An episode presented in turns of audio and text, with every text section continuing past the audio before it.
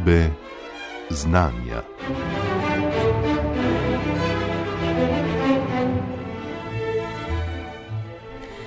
Napeto čakanje na izstrelitev najdražjega teleskopa vseh časov, vesoljskega teleskopa Jamesa Webba, ki velja za tistega pravega naslednika legendarnega Habla, se približuje vrhuncu. Samo še nekaj dni nas loči od trenutka, ko bo teleskop po več desetletjih načrtovanja in spopadanja s tehnološkimi izzivi zapustil Zemljo predvidoma bo to 22. decembra, in se podal proti svojemu milijon in pol kilometrov oddaljenemu cilju onkraj tirnice Lune, kjer se bo zazrl daleč nazaj v čas. Pričakovanja astronomske skupnosti, pa tudi širše javnosti, glede novih uvidov v velike uganke vesolja, so res izjemna. Ne brez razloga. Nadejamo se namreč lahko odgovorov tako na vprašanja o nastanku prvih zvest in galaksij, črnih lukenj, pa vse do potencialnega odkritja znakov življenja na oddaljenih planetih. In verjetno še česa, česar ta hip sploh še ne znamo predvideti. Med znanstveniki in znanstvenicami, ki podatke z weba kar najbolj nestrpno pričakujejo, je tudi današnja gostja podob znanja, astrofizičarka profesorica dr. Maruša Bradač, predavateljica na Kalifornijski univerzi v Davisu, ki pa z novim letom prihaja na Ljubljansko fakulteto za matematiko in fiziko. Njen interes za nova odkritja, ki jih bo prinesel web, je še posebej intenziven tudi zato, ker pri načrtovanju enega izmed štirih znanstvenih inštrumentov na krovu tudi sama zelo aktivno sodeluje in ima tako že zagotovljen tudi dragoceni raziskovalni čas na novem teleskopu. Maruša Bradač, lepo pozdravljeni. Hvala, lep pozdrav. Kako je z nestrpnostjo, vznemirjenjem, napetostjo, tako le tik pred izstrelitvijo pri vas? Vsekakor zelo nestrpno pričakujemo izstrelitev tega teleskopa in uh, njegove podatke. To je verjetno podobno temu, uh, podobno rojstvu otroka, ki se ga vedno izjemno veseliš. Seveda te pa vedno tudi strah, da bi lahko šlo kaj narobe, ampak uh, o tem probamo čim manj razmišljati. Web je nedvomno teleskop, ki ga že zelo, zelo dolgo pričakujemo, več desetletij dela, razmišljanja, načrtovanja je šlo van. Eh, veliko se pa tudi pričakuje od njega, nekako velja za tistega pravega naslednika legendarnega Habla. Hubble je, kot vemo, temeljito transformiral astronomijo in nam prinesel povsem nov pogled v vesolje, na oddaljene galaksije, ostanke supernov, zvezdne kopice, cel kup res fascinantnih fotografij nam je preoblikovalo, eh, kako pravzaprav gledamo na vesolje. Od weba se pravzaprav pričakuje podobno revolucijo, vendar na drugačen način. Eh, katera so tista nova področja, ki jih bo web zdaj odstrl? Vsekakor, torej Hubble nam je prinesel ogromno novih spoznanj, vendar Hubble je opazoval in še opazuje v vidni svetlobi, medtem ko nam bo pa web pomagal pri tem, da bo opazoval v infrardeči svetlobi in eh, ne bo samo posnel fotografij objektov v vesolju, ampak nam bo omogočil tudi, da bomo posneli spektre letih, tako da bomo res lahko prvič raziskovali, iz česa so določeni objekti sestavljeni in kako delujejo. Tako da tukaj gre res za revolucionaren teleskop, ki bo zagotovo prinesel ogromno odkriti, verjetno še več kot Hubble. Pravzaprav je zelo zanimivo, ne, da si astrofiziki obetate odgovore na zelo različna vprašanja, kot sem uvodoma povedala, od življenja na planetih, ki krožijo okoli oddaljenih zvest, pa do nastanka prvih zvest galaksij. Zdi se torej, da v, se v infrardeči svetlobi skrivajo odgovori na zelo, zelo različna vprašanja. Ja, vsekakor uh, infrardeča svetloba je tista, ki nam bo pomagala odkrivati naprimer uh, vodo in metan, ogliko dioksid na planetih izven našega osončja. In pa seveda gre tukaj za zmogljiv teleskop, mnogo večji je od Hubla, tako da nam bo omogočil, da posnamemo objekte, ki so šipkejši, da pogledamo še globlje v vesolje. In eh, prav, prav to je seveda zanimivo, zakaj pa tako raznolika znanost, ki bo prišla iz tega teleskopa. Je pa uh, bilo to seveda načrtno, kajti tukaj gre za zelo drag teleskop, za zelo drag inštrument in seveda ne narediš ti inštrumenta samo za določen del astronomije, ampak poskusiš um, te kamere oblikovati tako, da so čim bolj uporabne za čim večjo skupino ljudi in tako imamo na webu kar štiri kamere. Tudi Hubble jih ima več, tako da tudi Hubble je v bistvu, um, v bistvu raziskuje veliko področji, vsa področja astrofizike pokriva. Potrebno je bilo torej nedvomno vrčevati s prostorom, da bo sploh lahko dejansko ta res velik teleskop poletel. Um, Torej, omenili ste, doktorica Maruša Bradač, da eh, so na krovu štirje znanstveni inštrumenti. Sliši se malo, verjetno pa so izredno dodelani. Vsi so, kot rečeno, osredotočeni na infrardeči spektr. Kako pa se dopolnjujejo med seboj, kakšne so razlike med njimi, čemu so pravzaprav namenjeni? Eh, vsekakor vsi ti inštrumenti so bili izbrani z globlim razmislekom in natančnostjo, da nam omogočajo kar največji spekter znanstvenih raziskav. Inštrumenti se dopolnjujejo med sabo, naprimer NIRCAM je bolj kamera, torej bo večinoma posnela fotografije prav tako miri, samo v še daljših valovnih dolžinah, torej še bolj infrardeči um, del spektra. Medtem ko pa Niris, um, pri katerem tudi sama sodelujem, bo pa posnel spektre in razlika med uh, Niris in Nirspek, ki sta oba namenjena pretežno snemanju spektrov je pa ta, da lahko z niri spoznamo spektr celotnega vidnega polja, torej vseh objektov, ki, so, ki se tam nahajajo, medtem ko pa za nirspek moramo pa objekte predtem izbrati. In prav zaradi tega bo niris imela neko določeno težo, saj bo raziskovala objekte, morda za katere sploh še ne vemo, kaj ti. Tudi če objekta recimo vnaprej ne poznamo, bomo posneli spektre le teh objektov in uh, upamo na res revolucionarno odkritje. Res vznemirljivo. Sami ste, doktorica Maruša Bradač, pripravili prav znanstveno utemeljitev za ta omenjeni instrument NIRIS. Pa me zanima, kako pravzaprav ste se lotili načrtovanja, katera raziskovalna vprašanja ste imeli v mislih in kako se je potem to prelilo v dejansko konkreten inštrument in kaj konec koncev potem pričakujete, da vam bo razkril. Um, torej, kot um, strokovnjakinja na področju gravitacijskega lečenja sem bila povabljena v skupino, ki je naredila ta inštrument. Ta inštrument je v bistvu že bil uh, delno zasnovan in potem smo napisali tudi dokončni program, kaj bomo z njim opazovali, kako bomo opazovali, s kakšnimi pripomočki. Namreč na vsakem inštrumentu lahko tudi spreminjaš določene nastavitve. In uh, prav tukaj sem sama ogromno sodelovala, da smo lahko napisali ta program, ki bo opazoval prve galaksije, ki so nastale v vesolju to je eno od eh, ključnih področji, s katerimi se raziskovalno uh, ukvarjate. Tudi odkrili ste že eno najstarejših galaksij, ki jih je možno videti s sedanjimi teleskopi. Kako daleč pričakujete, da bo segel vaš pogled? Bomo lahko z webom pomočjo, da nimo videli čisto prve zvezde ali prve galaksije? Kako si pravzaprav sami zamišljate, kaj vam bo prinesel? Torej, zagotovo bomo lahko videli prve oziroma ene prvih galaksij. Um, še posebej, sicer tukaj je že Hubble kar, kar veliko naredil, ampak kar bo pa web prinesel, je pa, da bomo lahko te galaksije tudi proučevali, lahko bomo ugotovili, iz česa so sestavljene. In tako bodo ta, ta znanja nam prinesla res ogromne informacije o tem, kako je nastalo to zgodnje vesolje.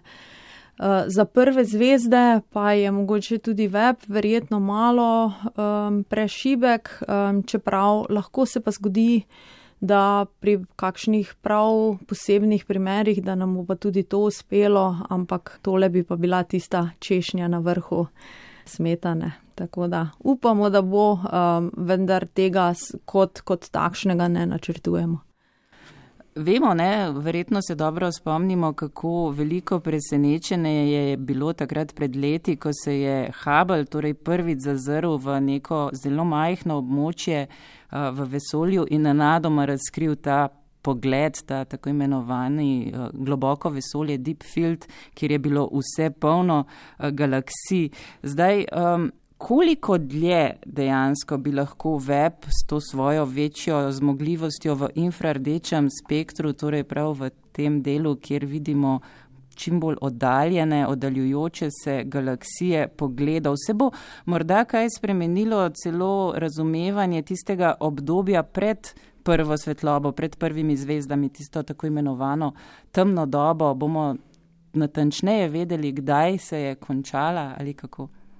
Torej, zagotovo bomo lahko raziskovali temno dobo in to eh, v bistvu konec eh, temne dobe in, kakšni, eh, in kako galaksije vplivajo na leto um, z webom. Um, tudi Hubble je že posegel v bistvu v začetek vesolja. Prišli smo do 13,3 milijarde let nazaj v zgodovino vesolja. Uh, web nam bo pomagal morda do 13,5 milijard let v zgodovino vesolja. Skratka, tukaj ne gre za tako velik korak v sami razdalji, kolikor gre v ogromen korak za razumevanje tega dela vesolja, kajti do sedaj smo lahko samo posneli posnetke, ki nam kažejo te majhne galaksije, ampak izmeriti pa ne moremo prav veliko z Hublom, Webo pa, pa seveda to spremenil in namesto par takšnih galaksij bomo seveda imeli na tisoče, ki jih bomo lahko raziskovali. Omenili ste, doktorica Maruša Bradač, da bo torej web predvsem lahko, kar je dodana vrednost, snemal torej spektre.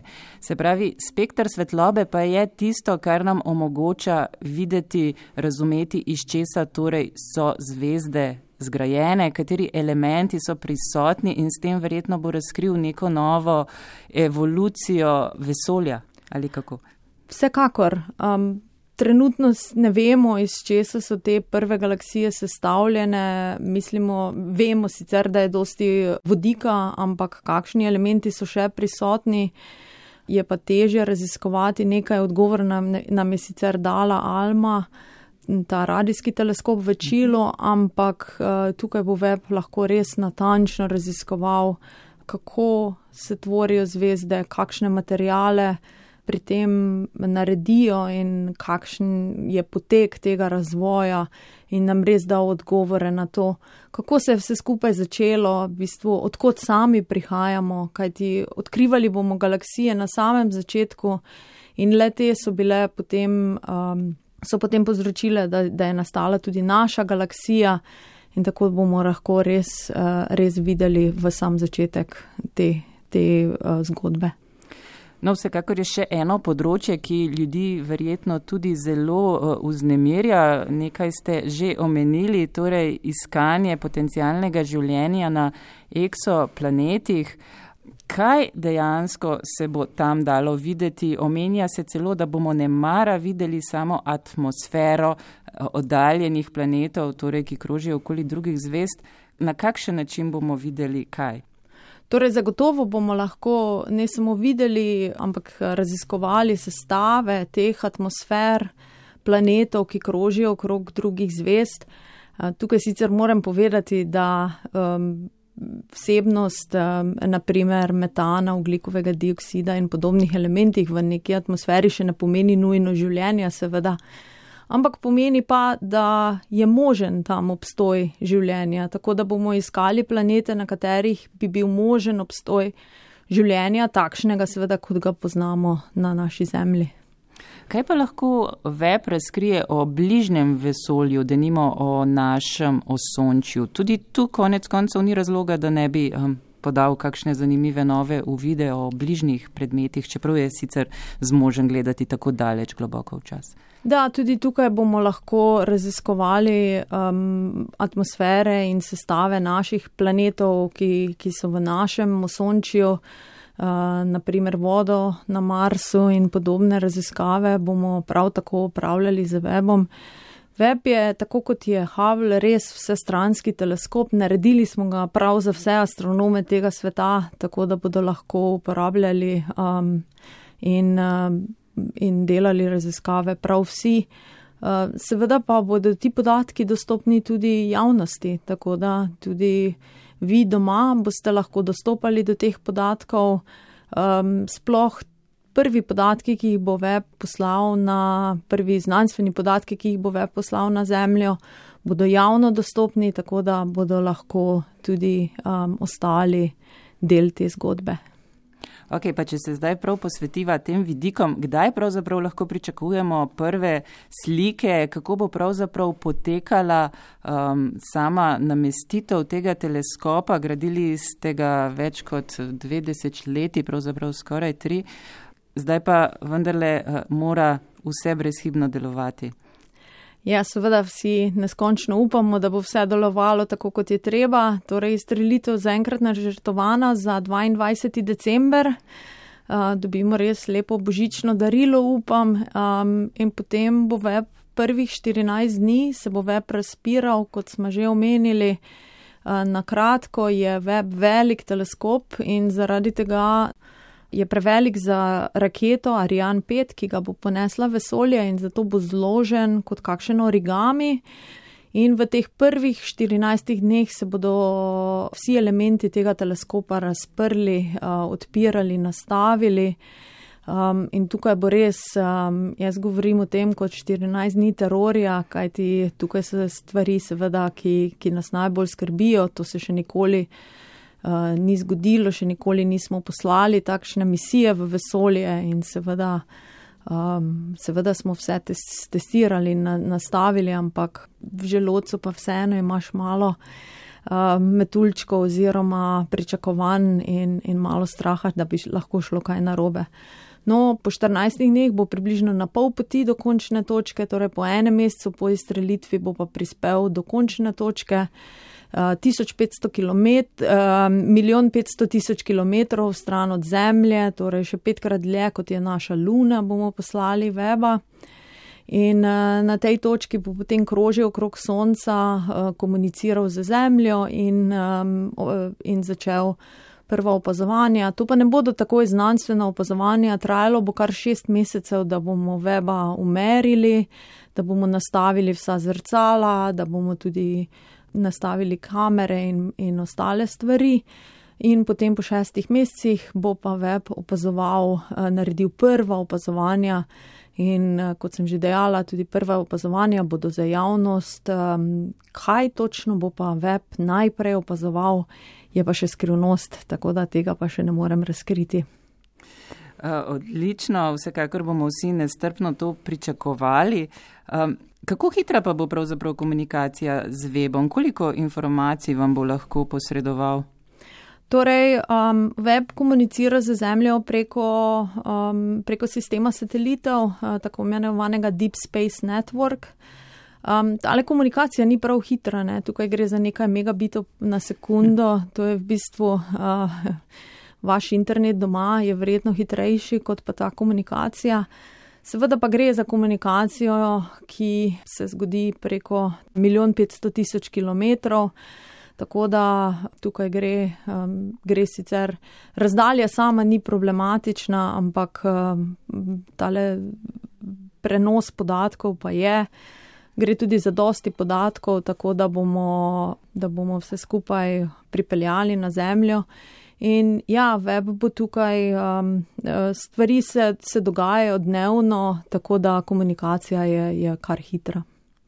Ni pa brez razloga teleskop James Webb poslan tako daleč. Zakaj je bila izbrana prav ta točka? Torej, um, v nasprotju z Hublom, ki kroži samo 600 km nad nami, je Webb. Eh, potrebuje v bistvu hladnejše razmere, kajti infrardeče kamere je potrebno ohladiti. Le nekaj stopinj nad absolutno ničlo je, naprimer, mora biti ohlajen miri instrument. In uh, tukaj gre seveda za minus 270 stopinj Celzija. In pri takšnih temperaturah um, ni toliko pomembno, uh, od Sonca smo približno isto oddaljeni kot Hubble, Ampak problem pa je, da Hubble z okroženjem okoli Zemlje, ko prehaja iz senčne v sončno stran, ima velika temperaturna nihanja.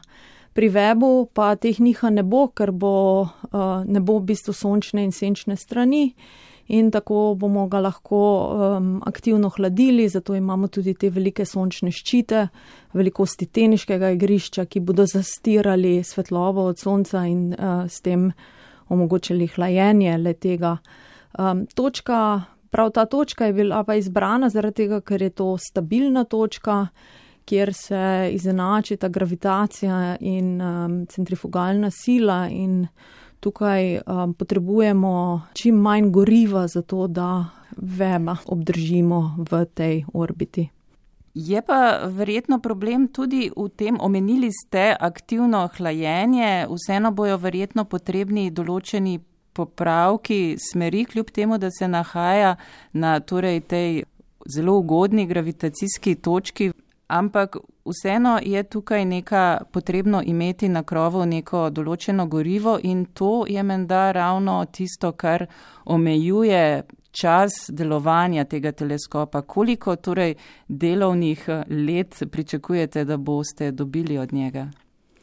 Ja, tukaj na začetku potrebujemo gorivo tudi za njegovo namestitev, tako da nekaj, kar nekaj goriva ima James Webb pri sebi.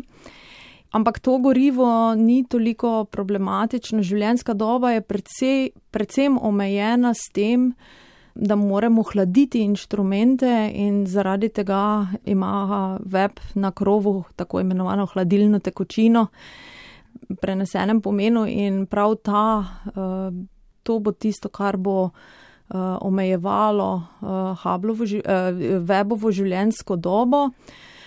Njegovo življenjsko dobo, um, doba je pet in pol um, let nominalno, ampak zagotovo, jaz sem prepričana, bo vzdržal še mnogo več let, kajti to je tista doba, za katero, katero web mora prestati, zato se je zgradilo, ampak tukaj je vsega tudi goriva še za nekaj več časa, če bo šlo vse tako, kot mora iti, bo web eh, opazoval še mnogo dlje.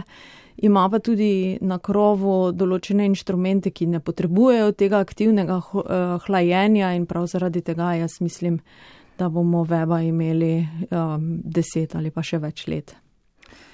Zdaj, omenili sva, da neposredno sodelujete pri webu, pri torej eni izmed štirih kamer. Katere so tiste vaše raziskave, ki jih torej imate v ognju? Kaj boste sami, če to ni nemara skrivnost, najprej pogledali, kaj vas najprej zanima, doktorica Maruša Bradač? Ne, te, ta opazovanja niso skrivnost, eh, zanimajo me predvsem prve galaksije, ki so nastale v vesolju in tako imamo nekaj prav posebnih galaksij, v katerih vidimo, da imamo že kar stare zvezde, kljub temu, da smo na samem začetku vesolja. In prav to nas uh, najbolj zanima, kako so te prve zvezde nastale, kajti po trenutnih teoretičnih modelih mi takšnih zvezd v teh galaksijah ne bi smeli videti, ampak vseeno nam je dal Hubble tisto um, istočnico, da pa očitno takšne zvezde obstajajo in prav zaradi tega bi jih radi podrobneje proučili in uh, podrobneje ugotovili, kdaj so nastale prve zvezde v teh galaksijah. V katerih smerih pa morda pričakujete tista prava presenečenja, se pravi novosti, s katerimi pravzaprav ne morete računati, dokler ne vidite nekih presenetljivih rezultatov med podatki. Um, če bi vedela, potem verjetno ne bi bila presenečenja, potem bi takšne raziskave seveda pričakovali. Um, jaz um, edino presenečenje, res presenečenje bi bilo, če takšnih presenečenj ne bi bilo, kaj ti gre za izjemen teleskop, izjemne inštrumente, za čisto novo tehnologijo in vsakeč, ko naredimo teleskop za novo tehnologijo, odkrijemo ogromno novih stvari. Zato, uh, kaj to točno bo, jaz mislim, da bodo ta presenečenja kar na vseh področjih astrofizike in pri vseh opazovanjih, ki jih bo web naredil. Vemo pa, da so dan danes tista tudi intrigantna vprašanja našega vesolja pravzaprav niso več povezana toliko z našo snovjo, ampak s tem, kar pravimo uganka temne snovi, tudi temne energije. Zdaj, na kakšne načine bi lahko web pomagal odgovarjati na ta vprašanja, glede na to, da vendarle zaznava um, znano snov, torej infrardeče valovanje.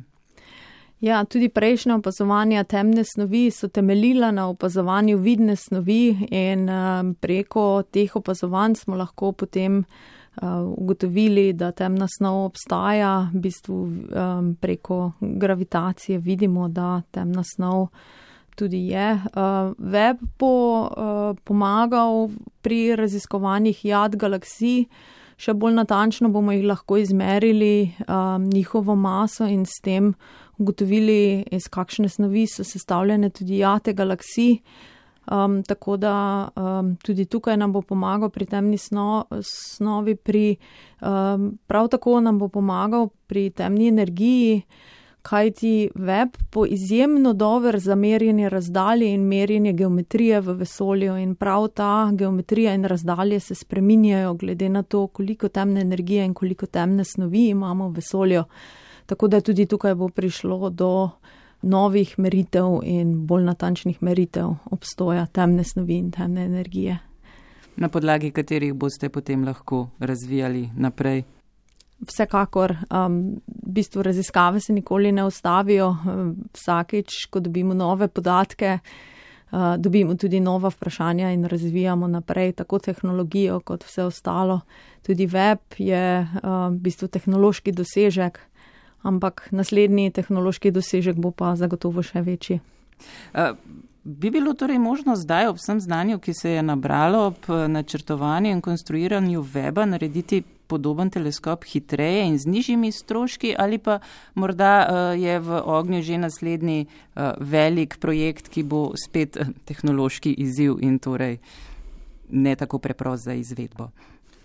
Vsekakor bi lahko naredili kopijo weba, seveda um, pri, vsakem, pri vsaki stvari je tako, ko delate prototip za, določen, za določeno stvar je prototip najtežje narediti, ogromno denarja gre v raziskave, v razvoj in potem seveda lahko takšen prototip, v bistvu izdelek, ki ga naredimo iz takšnega prototipa, naredimo dosti ceneje in um, tako bi lahko bilo tudi pri webu, vendar um, pri astronomiji je pač tako, da pri vsej znanosti je tako, da stremimo za razvojem, tako da naslednji teleskop bo imel seveda nove tehnološke izzive in bo še večji in še bolj zmogljiv. Doktorica Maruša Bradač, po več kot dveh desetletjih eh, dela raziskovanja v Združenih državah v Kaliforniji, se vračate v Ljubljano. Se veselite selitve? Absolutno. Eh, Slovenija mi je vedno ostala pri srcu in tako sem res vesela, da prihajam domov, da prihajam v bistvu na, na fakulteto, kjer se je vse skupaj začelo, vsa moja raziskovalna pot začela. In uh, resnično so me sprejeli z odprtimi rokami in mi dali vse možnosti, da nadaljujem ta raziskovanja, in uh, zaradi tega se res veselim prihoda. Še zadnje vprašanje, kje boste spremljali izstrelitev? Najlažje bi ga spremljala pokrita čez glavo, nekje v posteli, da ne bi vedela, kaj se dogaja, kaj ti to bo res um, malce živčna vojna, ampak uh, naša skupina bo organizirala, dobili se bomo glede na razmere sicer preko Zuma, ampak bomo spremljali v živo izstrelitev, tudi NASA bo um, to prenašala, tako da um, povabim tudi vse naše poslušalce, da pojdejo na nasino spretno stran. Trenutno se je že možno registrirati za ta dogodek in lahko spremljate vsi vi v živo izstrelitev tega teleskopa. Vsekakor bo zelo napeto, tako da, da vabljeni vsi. Vam pa, doktorica Maruša Bradač, najlepša hvala za vsa ta pojasnila in veliko uspehov tudi v prihodnje. Najlepša hvala. Podobe znanja.